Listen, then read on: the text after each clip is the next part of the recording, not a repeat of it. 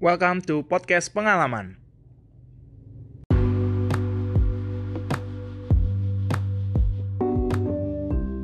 Gue tegang ya, gue tegang loh kayak di Kalau- wawancara mata Najwa. teman-teman iya. Jadi ini di podcast selanjutnya gue sama teman-teman skripsi ada Fauzan Hai. Fauzan siapa dulu dong? Hai. Hai. Ada teman gue satu lagi namanya Bastian Aritonang halo. Hai. oke.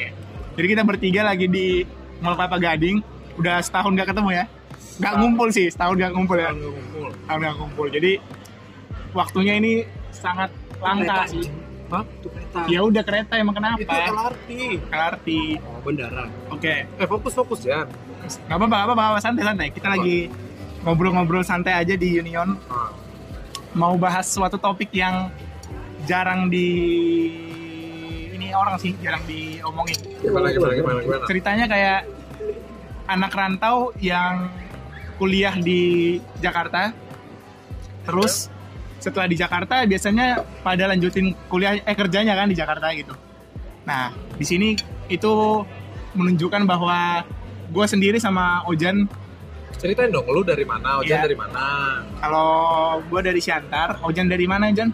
Dari Pekanbaru. Pekanbaru. Kami berdua merantau di Jakarta, kuliah di Binus dan melanjutkan kerja di sini. Kalau Nah. gua Satu lagi nih Bastian. Dari lahir di Jakarta, kuliah di Jakarta. Nah, tapi anehnya, uniknya nih, di sini poin-poin yang akan kita bahas itu, Bastian malah memutuskan pulang ke kampung halamannya dan membangun kampungnya. Nah, itu itu poin poin utama dari podcast hari ini. Oke. Kita mulai dulu dari karyawan kantoran ya, gimana? Iya. Ini Fauzan. Dekat-dekat dekat, Bos. Jan, menurut lu gimana? Pengalaman lu sebagai fresh graduate dan akhirnya memutuskan kenapa memutuskan untuk mencari kerja di Jakarta? Alasannya apa sih? Ya karena kita sudah jauh-jauh kuliah di luar kota, jauh dari rumah. Tapi kalau abis kuliah terus pulang, kayak kayak ya lu ngapain jauh-jauh kuliah kalau ujung-ujungnya akan pulang. Jadi maksudnya untuk pulang itu penting, pulang itu harus. Cuma maksudnya sebelum pulang kita ada membawa sesuatu lagi selain cuma gelar aja. Jadi ya apakah dengan pengalaman ataukah dengan ilmu yang lebih dari kita dapat dari kuliah itulah mungkin salah satu alasan kenapa ingin mencoba untuk mengeksplor diri lagi dengan bekerja di luar kota bukan untuk tidak mau pulang tapi ibaratnya akan pulang namun dengan bekal yang lebih banyak lagi jadi untuk kuliahnya jauh-jauh bayar sudah mahal-mahal Iya. tidak sia-sia hanya dengan bawa sarjana saja Oke, mantap sekali alasannya. Tapi yang gue tahu nih ya, Jan ya. Dan gue tahu, kalau nggak salah, orang tua juga punya usaha kan ya di kampung halaman. betul Nah, apakah udah ada omongan sama orang tua untuk melanjutkan atau gimana waktu lulus kuliah? Untuk melanjutkan sudah, tapi orang tua juga tidak memaksakan untuk harus langsung melanjutkan usaha. Ya, orang tua juga memberikan jalan ya terserah sama kita sendiri karena kan hidup kita yang jalani. Jadi mereka Siap. juga tidak memaksakan kehendaknya. Alhamdulillah juga sampai sekarang orang tua masih diberikan kekuatan untuk menjalani bisnisnya. Jadi ya sudah. Tapi memang eh, suatu saat akan akan Oh. akan turun untuk Akan langsung ya hartanya. ya akan juga eh, mengurus bisnis itu. Namun kan lebih baik lagi kalau misalnya kita eh, nanti pas mengurus bisnisnya kita punya punya modal yang lebih baik lah. Jadi kita bisa melanjutkannya dengan cara yang lebih baik. Berarti kalau untuk kepikiran uh, membangun, eh melanjutkan usaha orang tua di kampung halaman tetap ada ya? Tetap ada, Tetap ada. ya? ada. Oke. Kan Tapi sini, untuk untuk ya, sekarang masih fokus Ya. di Jakarta dulu. Fokusnya itu dengan artian memperbanyak pengalaman dan memperbanyak ilmu. Oke. Uh, sekedar informasi, gue sama Pak Ojan ini satu kantor ya di sebuah online travel agent. Nah, Oh, nggak boleh disebut di sini. jangan, jangan. Oh, nggak boleh iklan ya. Ya, ya, ya. Di sebuah online travel agent yang kantornya di Jakarta Barat. Nah, itulah. Kita satu kantor. Online travel agent ya. Iya, online travel agent. Kayak Twitter ya. Ya, kayak Twitter. Lebih udah langsing. udah diperjelas, udah diperjelas. Nah, eh, selama di Jakarta Jen eh, seru gak kerja kantoran di Jakarta menurut lo? Seru itu serunya banyak sih ya. Serunya ada kan kerja itu tidak melulu dengan se- apa namanya kayak senang-senang mulu lah. Jadi ya serunya itu bisa diciptakan dari diri sendiri. Kalau bisa have fun atau nggak dis- bisa menikmati pekerjaan yang sekarang dilanjutkan ya sama aja. Nggak ada bedanya sih menurut, menurut saya kalau kerja di luar kota ataupun kerja di di daerah itu ya sama saja. Ya maksudnya tergantung bagaimana kita menyikapi pekerjaannya, bagaimana kita menyikapi pekerjaan yang kita alami. Ya mau di mana pun akan sama saja. Kalau juga kita nggak enjoy di sini ataupun nggak enjoy kerja di daerah di rumah kita sendiri ya sama aja Oke. Itu tadi informasi dari Fauzan fresh graduate yang memutuskan melanjutkan karirnya di Jakarta untuk sekarang. Nah, Betul. ini selanjutnya ke narasumber berikutnya nih yang agak unik nih. Dia orang kota, lahir di kota Jakarta, besar di kota Jakarta, tapi memutuskan untuk pulang ke kampung halaman. Nih, dia keren deh. Coba gimana? Pulang. Iya. Kebetulan kampungnya ini di Sumatera Utara ya, teman-teman di dekat Danau Toba. Ah, Silangit. Ya, di Silangit lebih tepatnya, Bas ya. Coba ceritain, Bas. Kenapa sih kok bisa sampai pulang kampung ke asal gitu? Ini mau jujur atau mau Terserah, terserah. munafik? Yang bagus lah, yang paling baik lah. Oh yang paling baik berarti munafik. Ya Oke. ya? Munafik dong. Jujur aja lah ya. Sebenarnya gue, Agak dekat, agak dekat. sebenarnya gue kayak kecelakaan bisa terjun ke sana. Awalnya gue juga masih mau kerja di mana? Di Jakarta. Gue sama lah sama kalian. Kayak gue, apalagi gue dari lahir di Jakarta. Gimana coba orang yang dari lahir udah di kota terus tiba-tiba lompat ke daerah Kampung ya, bener-bener kampung, ya. Nah, nggak mungkin kan? Gue masih butuh main, gue masih Nah. butuh. Ya kayak sekarang kita lagi di Union, gue masih butuh nongkrong kayak gini, gue masih butuh ketemu temen, gue masih butuh nonton bioskop, gue masih Ah. butuh malam mingguan, segala macam. Starbucks gitu Iya. ya. Cuma kebetulan bokap gue kan usaha juga. Nah, sebenarnya dia yang lihat peluang ini. Dia lihat peluang. Jadi untuk informasi aja, informasi aja kalau misalnya Bandara Silangit itu sekarang udah internasional. Ya, betul-betul. Jadi bagi kalian yang memang udah pernah ke Danau Toba, kalau dulu memang kalian ke Danau Toba terbang dan mendarat di Kuala Namu, sekarang pintu gerbang Danau Toba itu ada di Silangit. Yes, betul sekali. Ke Danau Toba tuh cuma sejam, dua jam. Kalau dari Medan kalian cuma lima jam. Nah, Iya. gara-gara itulah yang kebetulan bokap gua punya beberapa lahan di sana, memutuskan untuk membangun hotel. Wah, ya kan? Membangun hotel dan karena abang gue yang pertama udah menjadi dokter abang gue yang kedua udah nyaman dengan pekerjaannya dan keluarganya gue lah ditumbalkan. Dalam tumbalkan dalam arti positif dia. tumbalkan dalam arti positif gue lah ditumbalkan karena memang harus gue yang nerusin karena nggak ada lagi.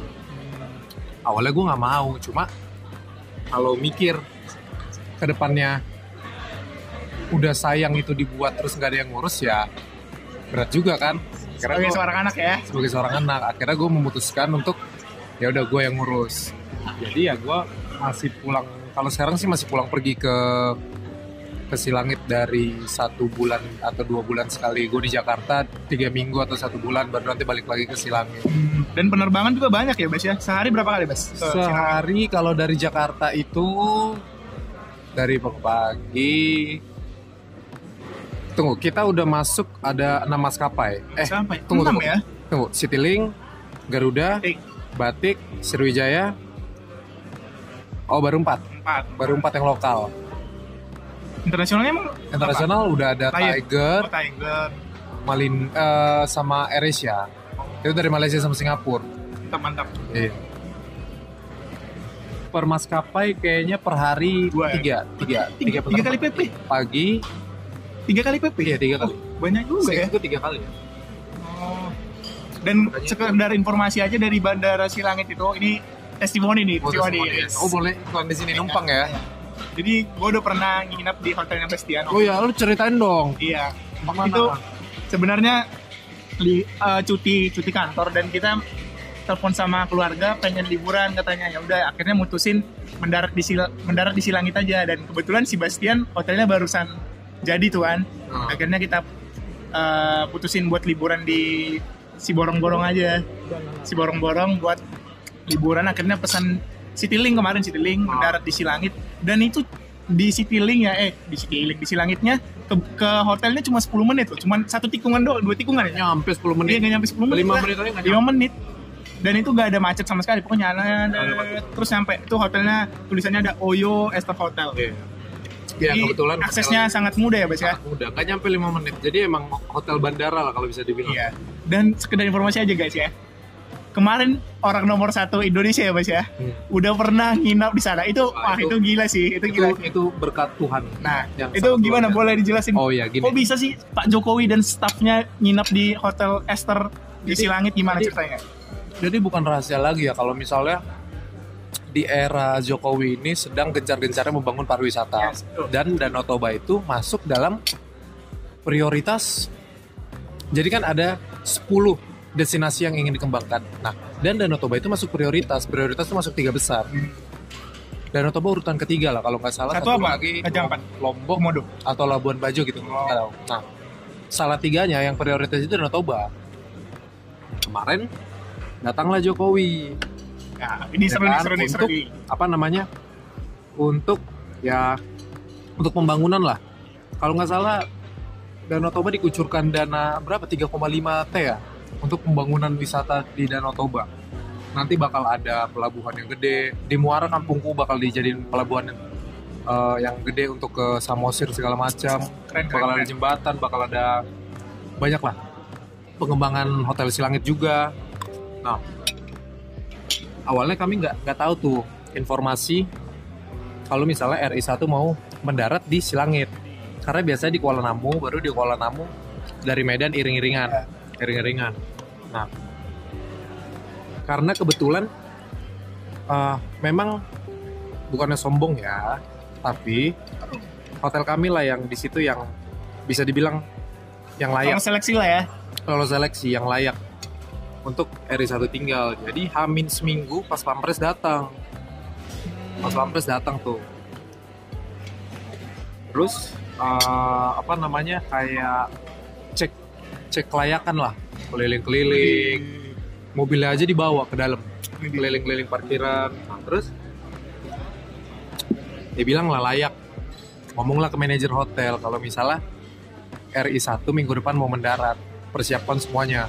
Ya udah persiapan semuanya. Hamin Hamin seminggu dipersiapkan semuanya. Banyak banget yang dirubah dari kamar-kamar. Jadi kan Jokowi kan dibikin di kamar VIP Hmm. nah di kamar VIP itu untuk standar presiden mungkin masih kurang kan jadi Hamin satu Oh. dikejar di request ya banyak dibongkar Request ya? segala macam bayangin di Silangit itu paling panas berapa derajat ya 18 paling panas iya tapi ya. karena standar RI 1 mereka disuruh beli AC mau beli AC Beli AC. Jadi kami belikan AC 2. Nggak tahu itu dipakai apa enggak ya sama Bu Iriana sama Pak Jokowi, tapi kayaknya sih nggak dipakai. Orang kalau pagi aja bisa sampai 16 derajat, 15 derajat. tapi tetap harus ada AC ya Tapi tetap harus ada standarnya. iya Piring-piring kami beli lagi lah. set Piring nggak boleh ada yang motifnya, harus yang keramik putih bersih. Hmm. Terus dapur kami dijaga 24 jam. gila gila gila Terus luar tuh dikasih pagar duri, tau lu, pagar duri. Pagar untuk demo-demo itu Iya.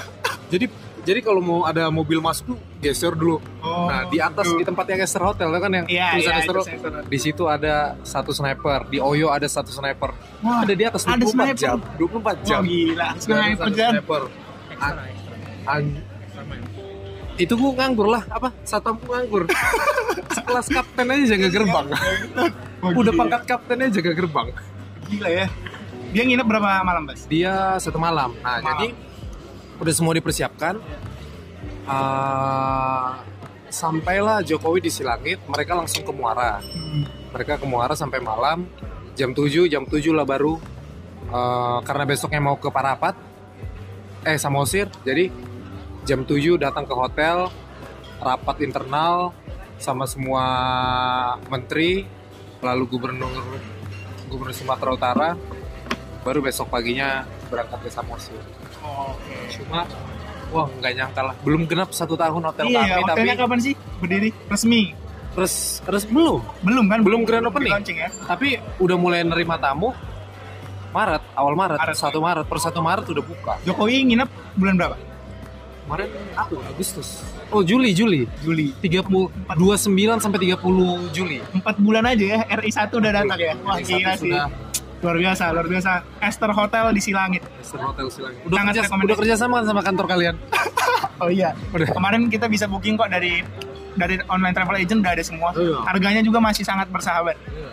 Gak mahal dan fasilitasnya bagus. Ya udah RI 1 aja udah nginap ya udah oke lah ya udah pasti aman lah nggak ada masalah lagi Tapi sekarang masih pengembangan juga sih, masih cari orang layout untuk bikin kolam renang terus selama Oke. ngehandle ini bas kau udah berapa bulan kan ngehandle dari Maret. Maret. Oh enggak, dari pembangunan juga gue udah turun ke sana dari November. nah katakanlah dari Maret dari Ah. Maret ini apa sih kesulitan lu sebagai lulusan manajemen ya untuk menghandle yang sama sekali lu gak tahu backgroundnya kayak gimana Jujur hotel ya. gimana ngehandle ngurusin hotel gitu Nah, jujur, gue kalau sendirian nggak akan bisa.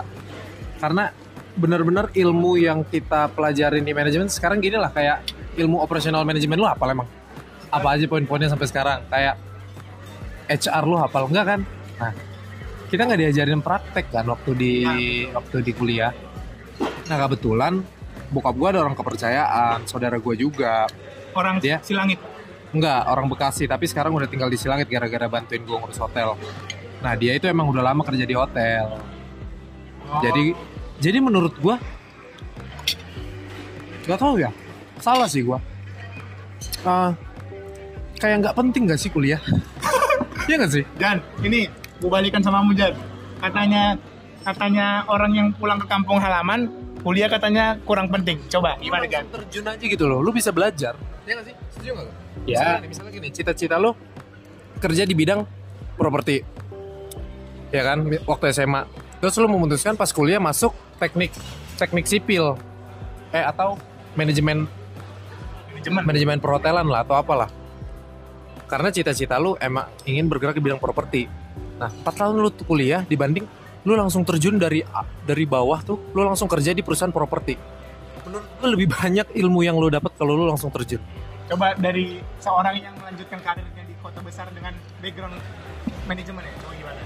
Karena menurut saya sih kuliah itu memang bukan tujuannya untuk bekerja, tapi sebenarnya kalau kuliah itu lebih ke memang untuk bekerja itu kadang-kadang untuk ilmu kuliah tidak terpakai. Cuma kan maksudnya kita butuh juga untuk apa ya eh, ilmu edukasi dan juga tidak memungkiri bahwa juga kan sekarang di dunia ini kan banyak orang ataupun banyak kayak yang melihat eh, pendidikannya sejauh apa. Walaupun walaupun orang kayak eh, sudah sudah melihat dia sudah pintar gini-gini cuma kan kalau dia melihat ah belum sarjana nih belum belum ada nih kita kan ya ya itu tergantung masing-masing ya. Menurut saya tuh kalau untuk akad untuk ilmu kuliah itu bukan cuma sekedar untuk ilmu kerja namun ya untuk memperbanyak ilmu pribadi dan juga lebih ke em, apa ya memperbanyak koneksi lah. Dikarenakan kan kalau untuk kuliah juga bisa kenal dengan orang sana orang sana kan bisa memperbanyak koneksi juga. Jadi kan memperbanyak ya memperbanyak link lah Dan menurut gue ya,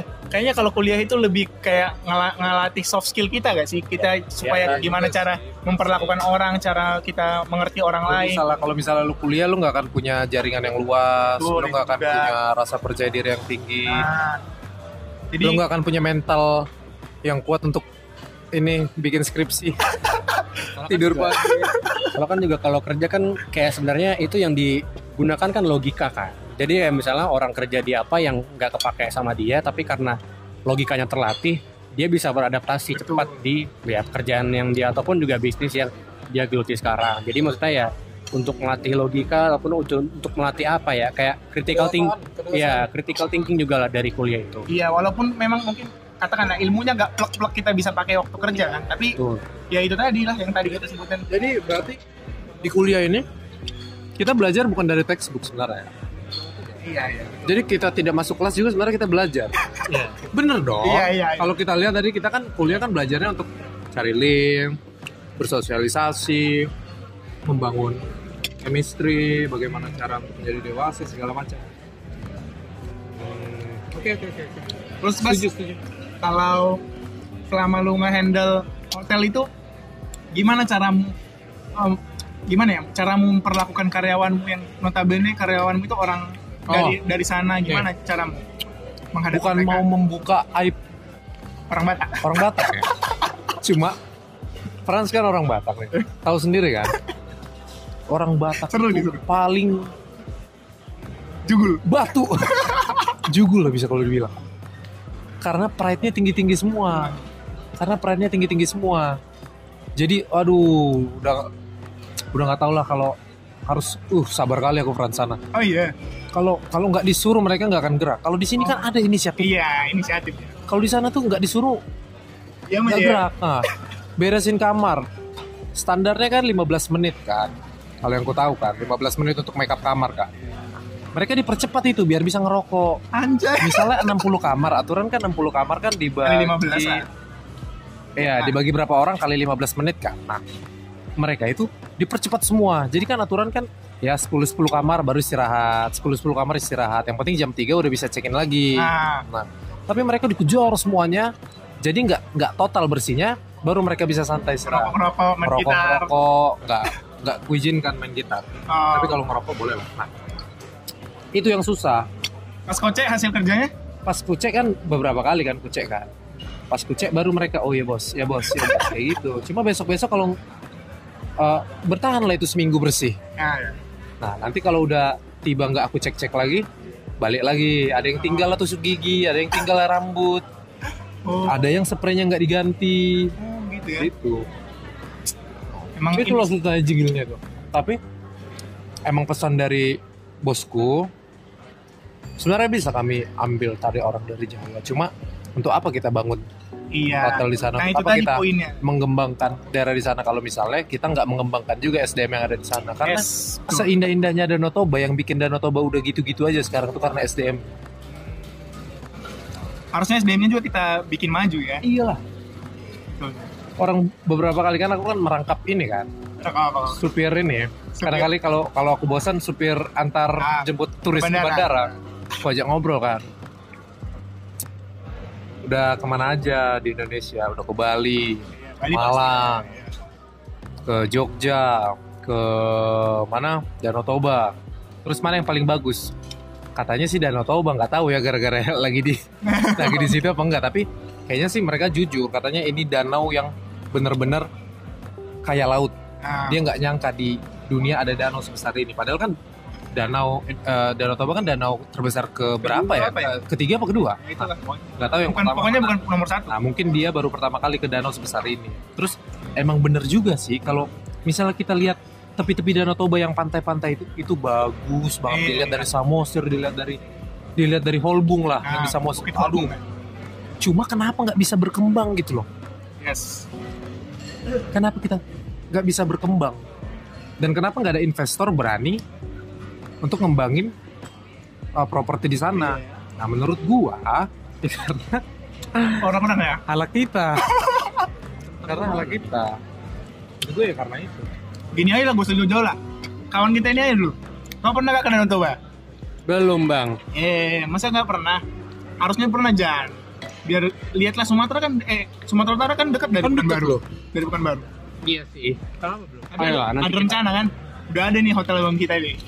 Ayo ayo berapa? Berdua kita ke sana. Bertiga sama Ari Ari udah mau ke sana loh Ah iya, tuh Ari. nanti aku balik Ari sana Nah, langsung enak sana, Mbak. Bagus lah. Kalau aku saranin bagus. makan aman dari hotel aja makan Wih. minggu bulan ini nggak kerja lagi Nah, itu kenapa dah. kenapa dia habis Nanti nanti nanti kita bahas. oh nanti ya Ya. oke Gak usah dibahas. Ya, gua gak dibahas di podcast tenang tenang. Itu di luar. oke oke Oke, jadi sel- jadi intinya gini. Intinya ya.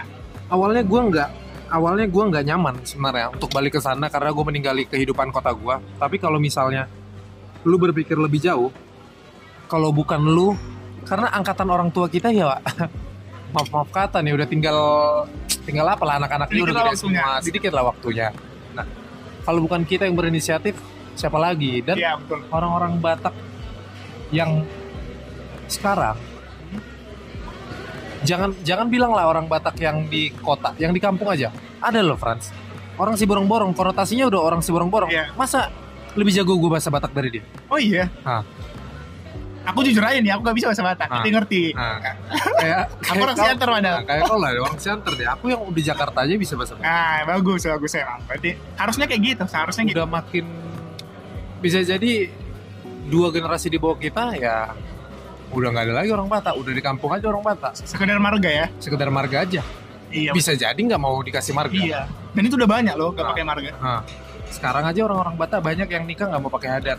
Iya, betul. Nah, mau modern. Nah, teman kita ini punya marga. Orang yang di luar Batak. orang yang di luar Batak pengen punya marga? pengen punya marga Oh gitu ya. Kenapa kenapa pengen punya marga? kayak klan gitu aja karena klan gitu Oh gitu. Keren ya. Kayaknya punya perkumpulan gitu ya. betul sekali kayak Uchiha ah ya Oke oke. Kayak Jadi gitu. kalau ditanya sejujurnya nih Mas, hmm. dijawab sejujurnya nih. Ah. Lu menikmati gak sih tinggal di kampung selama ngehandle hotel? Karena kan beda banget jauhnya perbedaan Jakarta Cilangit. menikmati gini apa eh, indikatornya apa dulu nih menikmati sama nyaman Nyaman lah ya, nyaman, nyaman. gua belum menikmati tapi dari awal gue di sana sampai sampai sekarang gue lebih menikmati beda kan gua nggak menikmati di Tapi sana udah lebih menikmati. tapi dari awal gue di sana sampai sekarang lebih menikmati Oke, karena cuma masalah waktu aja iya betul betul. Dan Cuma kau juga masalah. belum setahun kan? Belum kan? oh tapi kalau mis bentar lagi setahun lah dari November Iya ya. Karena gini loh, udah hafal aku untuk membangun sebuah properti di kampung halaman itu kita bukan cerita untung ya, Bas. Gak mungkin kalau ngarapin untung ya gak bakal untung lah untuk sekarang. Ya itu kayak lebih ke, ke kemauan kita untuk membangun kampung halaman itu sendiri sih. balik modal aja kalau dihitung itu butuh 10 tahun Iya, butuh bertahun-tahun ya kalau kalau konsepnya kita mau cari untung bisa gila kali ngarepin itu. Iya, Tapi kan tujuan kita kan gini. Kebetulan ya puji Tuhan orang tua dikasih rezeki. Iya, Nah, betul. Bisa sebenarnya dia bangun usaha di Nah, Jakarta. itu, itu poinnya, itu tapi poinnya. kenapa Harus di kampung. harus di kampung kalau misalnya uang kalau misalnya tujuan untuk cari untung ya bangun mending bangun restoran di Iya, Jakarta bangun gitu restoran, kan. bangun kafe apa gitu kan. Tapi Enggak, itu yang dipilih ya. nggak dipilih karena mau sampai kapan dan Toba itu kayak gitu aja. Iya, betul. Wah, gila sih. Dan kebetulan yang uh, manajer Hotel Esther ini kebetulan kan orang Jakarta juga. Oh. Jadi uh, ide-idenya juga ya dibawa dari kota lah. Jadi Up to date lah ya. up to date lah. Jadi hotelnya nggak hotel-hotel konvensional gitu kan. Betul, betul, betul. Di situ baru kami yang buat paket meeting. Yang lain mau nyewa tempat, nyewa tempat. Makanannya beda lagi. Kalau kita kan per package kan, per packs. Yang di lantai dua itu kan yang ada tulisan di pintunya Esther Hotel. Iya. Ya, itu ruang meetingnya. Ruang meetingnya bagus sih. Cukup lah untuk pem- pemda-pemda gitu. Pemda-pemda. Bisa pemkap lah ya, pemkapnya bagus. Nah. Udah, udah cocok lah ya. Udah langganan lah situ. Udah langganan ya, Bas ya? Tapot kan? BTS, Tapan betul. Utara. Kemarin kalau nggak salah dapat piagam juga ya penghargaan ya. Dapat Juara dua hotel terbaik Setapanuli Utara. Widih. Kurangnya cuma Orangnya apa ini? Masih pembangunan kan kemarin. Oh iya, emang iya masih banyak. Jadi masih masih banyak bata blok yang tersusun-susun, masih banyak sampah-sampah ini kayu. Tapi untuk empat bulan itu udah bagus. Untuk empat bulan bisa merengsek ke juara dua Iya, betul. dari puluhan hotel di situ ya udah merupakan sebuah prestasi. Wah, mantap ya. Kalau menurut teman kita sebagai pegawai kantoran Jakarta, pandangannya ke Bastian ini gimana? Menurut menurut Fauzan gimana? pandangannya salut Yang baik-baik dong. Yang salut Salut ya. Terus gimana? Karena ya dia bisa apa ya apa sih untuk meninggal mengkesampingkan egonya Yes. demi keluarga ataupun demi Kemajuan. kemajuan Demi teman. kampungnya lah kan ya, ya. meninggalkan ego lah karena kan ya mungkin berat kan untuk apa namanya eh, untuk pergi ke eh, lingkungan yang dia sebel- sebelumnya belum pernah tinggali Iya. Kalau dari Bastian sendiri pandangannya ke kayak ke kita nih, lulusan-lulusan yang pada umumnya jadi ke pegawai kantoran itu kayak gimana? Pandangan pertama nikmatilah Nikmatilah karena ya. saya sekarang pause. Bisa bisa. Oh, bisa. Podcast apa sih? Ujian, ujian apa bukannya di kafe loh, Pak? Ini di mana sih kerja? Terus ngapain lu ke sini? Ah, gimana Nah. tadi pas pesan lu ke kita sebagai pegawai kantoran ini? Nikmatilah selagi kalian bisa menikmati karena posisinya gue sekarang sirik sama kalian. Karena kenapa sirik itu? Apa yang disirikin? Karena sejujurnya fresh graduate 23 tahun baru lulus dunianya ya masih dunia nongkrong gak sih? Ya harusnya se ke sewajarnya. Iya, gue terlalu jauh melompat sebenarnya. Banyak sih yang kayak gue, cuma kayaknya gue akan di titik seperti sekarang. Gue mikirnya ya masih tiga tahun, 4 tahun lagi lah. Gitu. Oh gitu. Sekarang gue masih kayak mau kalian cari pengalaman dulu istilahnya. Cuma karena gue udah terlanjur kejebur ya udah udah basah berenang lah gue. renang menyelam lah ya. menyelam Iya. Ya, semoga bisa dalam menyelamnya Tapi kan. kalau ditanya sejujurnya dalam hati lu, lu akan serius ini kan? Akan maksudnya apakah akan nanti ah gue kayaknya lima tahun kemudian akan meninggalkan hotel ini? mungkin oh, mungkin ya? Oh, kira ini mungkin aja gitu kan? soalnya kan emang udah atas nama gue juga. Wih, jadi mau mau mau gimana juga ya udah udah mata pencarian gue itu nanti. Berarti dengan kata lain Basian akan cepat menikah nih kayaknya ya? doakannya tahun depan. Tapi calonnya sekarang lagi ini. Lagi. Mengambang. Doakan aja ya. Buat calonnya silakan dengar aja podcast ini ya. siapa pun itu, siapa pun itu, oke, siapa pun itu. Iya Eh, terus apa lagi ya? Eh, apalagi kalau dari ini Mubas, dari keluarga gimana? Eh, dari bosku sih bosku ngarahinnya langsung Oh iya, sekedar tahu. informasi. Kita ngomong bos ini orang tua ya? Oh, iya. cowok, bos cewek. bos orang itu tua, bapak bos mama. itu bapak mama Nah, iya. ah, bahasa bahasa Medan ada ya. medalnya itu Oh iya, mungkin banyak yang nanya. Si Langit dekat sama si Borong-Borong. Si Borong-Borong terkenal dengan daging anjing dan sayur kol. ah Nih, coba dijelaskan, Bas. apa Katanya Bas di si Borong-Borong itu banyak daging anjing emang ya? enggak sih Enggak kan? enggak Malah banyak lapo-lapo biasa kan? mana lapo biasa ya babi B2 lah makan orang Batak lah panggang emang kalau daging anjing enggak enggak adanya Enggak ada ya, kayaknya Itu karena hanya lagu sebatas lagu, sebatas lagu. Yang gua Dan kalau ada yang nanya, sebenarnya kota si Borong-Borong itu kayak kayak kota apa sih kalau di Pulau Jawa ini, di Biar mereka Jawa ada ya? gambaran. Biar ada gambaran. gini lah yang paling yang paling mewah di Siborong-Borong adalah Alfamart Indomart itu Itulah ya indikatornya. itu indikatornya entah kota apa di situ kayak di Jawa ini udah nggak ada lah kota kayak gitu paling mewahnya Alfamart Indomart Iya. Dan aku waktu nyampe di sana ya, aku nanya supirnya kan, itu kan aku dikasih diantar dijemput sama adalah drivernya dari hotel Sebastian waktu itu. Nyampe sana, terus cerita drivernya, iya emang bangunan paling bagus di sini ya hotelnya orang ini katanya gitu. Jadi betul betul sih ya. emang iya Jadi emang hotel ini bang yang paling bagus bangunannya di sini. Oh iya ya bang ya. Iyalah. Oh, makanya pintu pembuka pengembangan daerah sendiri jadi standarnya otomatis sudah naik kan? Iya. standarnya otomatis sudah naik. Makanya di Bali kan sekarang udah udah dibangun La Bersa hotel bintang 4 Oh iya. La Bersa punya La Bersa Group. Nah ya adanya hotel hotel Esther nanti ada La Bersa ya. Semoga aja perantau-perantau orang Ba- Batak yang banyak duitnya itu janganlah mengeruk uang di Jawa terus. Ingat lah ya menimbun di sana ya. Nah, soalnya banyak SDM kita di sana yang SDM SDM terbaiknya malah lari ke merantau ke Jawa. Jadi SDM SDM yang terbaiknya ya nggak tinggal di nggak tinggal di daerah sana untuk ngebangun Yes, yes, karena yes. pada lari semua karena nggak ada mata pencarian di sana. Kalau nggak salah, Bang ini Bang Hotman punya hotel kan di Bali gitu? Adiknya Adanya Bang Hotman ah, Paris. si itonya siapa? Apa hotelnya Mas? Hotel Serenauli. Serenauli. Serenauli.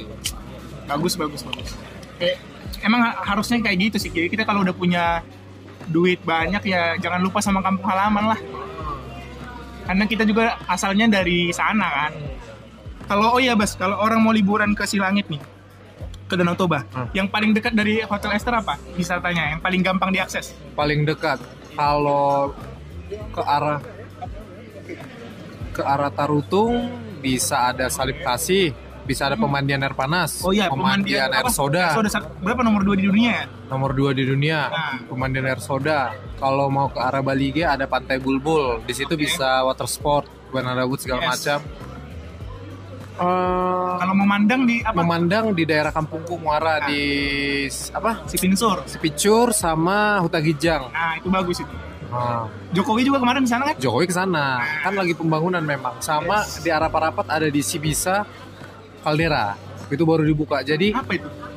oh, kok belum belum tahu? Bukannya Bukit Gibeon ya sih bisa. Ada lagi Apa itu Caldera. Caldera? Jadi tebing di tepi danau, Iya. pemandangannya ke danau. Hah? Cuma dia kayak hutan pinus, tapi di situ camping. Jadi hotel-hotel hotel-hotel tapi hotelnya Glamping, tenda. glamping bukan sih namanya? Glamping. Caldera. Enggak, maksudnya nama tenda yang bagus gitu kan? Ya. Nah, itu namanya kalau saya glamping. nggak tahu deh. hotel tapi bentuknya tenda Ah. hotel bintang 5 punya punya Pemda eh bukan punya Pemda punya ini Pemprov eh Pemkap. enggak enggak pemerintah pusat punya Kementerian Pariwisata gitu. hmm, yang punya BUMN Aku belum belum cek sih. Caldera cek aja di Instagramnya Caldera bagus jadi kalian camping di hutan pinus bayangin kayak indie-indie gitu Sedap. Kayak. Cikole ya, Cikole Kata aku aku belum pernah ke Kayaknya gitu. pemandangannya Danau Toba Nah, ya itu kelebihannya ada pemandangan. Dan untuk wisata ke Danau Toba itu nggak mahal kan ya, Bas ya? mahal Harganya itu terjangkau. Yang mahal itu bikin cuman Transport tiket sih, ya, tiket tiket pesawat itu yang yang Jadi kalian kalau mahal. misalnya mau ke Samosir kan harus naik kapal dulu ya. Tiket-tiket kapalnya itu lah. di kayak ya sangat recommended lah liburan ke Danau Toba ya. Nah, jadi kalian kapan datang ke hotel? Kalau aku udah Faujan kapan nih kira-kira? Maunya kalau rame-rame. Ya sama Ari lah nanti. Ya Ari nggak tahu katanya kapan. Ya dia tunggu kabarku. Apa katanya? Walah ada lama kali tuh Jan, tuh juga nih Jan nggak pulang-pulang. Malah ada lama kali itu jangan. Iya makanya nanti aja. Iya jangan udah kerja di Jakarta nambang duit kan harusnya dipakai lah buat jalan-jalan. betul betul. Ya mungkin konklusinya ketika kita ini gua kasih aja ya kesimpulannya kayak sebagai karyawan kita di Jakarta un- waktunya untuk menikmati masa muda dan jangan lupa menabung tetap melihat kesempatan-kesempatan lain peluang-peluang lain untuk meningkatkan karir bisa jadi dengan lanjut S2 ya lanjut S2 ataupun eh, pindah ke perusahaan lain dengan divisi yang jauh lebih baik itu akan meningkatkan karir kita. Sama untuk yang seperti Bastian mungkin walaupun presentasinya sedikit masalahnya bukan di seberapa berapa yang kita dapatkan masalahnya itu di uh, kemauan kita. Banyak orang kaya di luar sana yang punya harta jauh lebih banyak dari keluarga Basian tapi mereka memutuskan untuk uh, hidup mewah di perantauannya tanpa me- mengingat kampung halamannya sementara Bastian keluarganya lebih memutuskan untuk membangun sesuatu untuk meningkatkan uh, fasilitas yang ada di kampung halamannya untuk membangun kampung halamannya menjadi lebih baik lagi. Itu sih sekali. poinnya di situ itu yang udah sangat sulit sekarang sih. Jadi kayak dari podcast ini mungkin bisa membuka banyak pemikiran orang lain kenapa harus pulang kampung, kenapa nggak lanjut aja di perantauan. Jadi ini ada dua perspektif yang berbeda yang bisa dijadikan Nah, referensi. nah, terus kan bukan tidak mungkin kan nanti Ojan akan meneruskan perusahaan kelapa sawit bapaknya. Jadi nanti kalau udah sukses ya Pekanbaru kan udah agak lebih maju dari Taput. Iya. Jadi kampungmu kan di Pekanbaru kan sebenarnya, bukan di daerah kan? Nah, investlah di Tapanuli Utara. Siapa tahu kita bisa berjoin. Kita buka sawit di Tapanuli. Bukan ya, buka apalah. Duit duit sawit kan bisa Oh, iya. dijadikan restoran. Ada banyak lah, peluangnya ada banyak lah. Apalagi, oh iya Bas, kemarin aku ngobrol sama makku kan, Hah? soal yang waktu kami nginep di hotel, ngobrol-ngobrol. Dia nanya sama aku, si Bastian ini nanti yang megang hotel ini, aku bilang lah iya. Dia ini bisa loh berpeluang jadi salah satu eh, orang politik di kabupaten itu. Aku- Ada ada minat. Soalnya kalau kau jadi anggota DPR malah lebih bagus lagi loh, Iya, sumpah. memang Ada ada pikiran ke sana? ada. Ada ya. Jadi jangan kaget. Memang Kenapa? politik sudah ada di dalam Iya. darah. Jangan kaget lima Darah. tahun lagi Jan ada pamflet di calon bupati Taput ya. Iya, makasih mas. Sama minta saus mau yang tomat. Tomat. Nanti lima tahun lagi ada pamflet tulisannya pilih Bastian calon bupati Taput ya. Tenang, Tapi ada pikiran ke sana ya Bas ya? dimulai ada, Ah, bagus. Ada sama iya, makasih mas. tapi dari awal memang memang suka ya sama politik. Hmm. Karena ketika kita udah punya propertinya, untuk lebih mengembangkannya emang butuh akses itu sih, Bas. Ya. Jujur aja nih ya, jujur aja.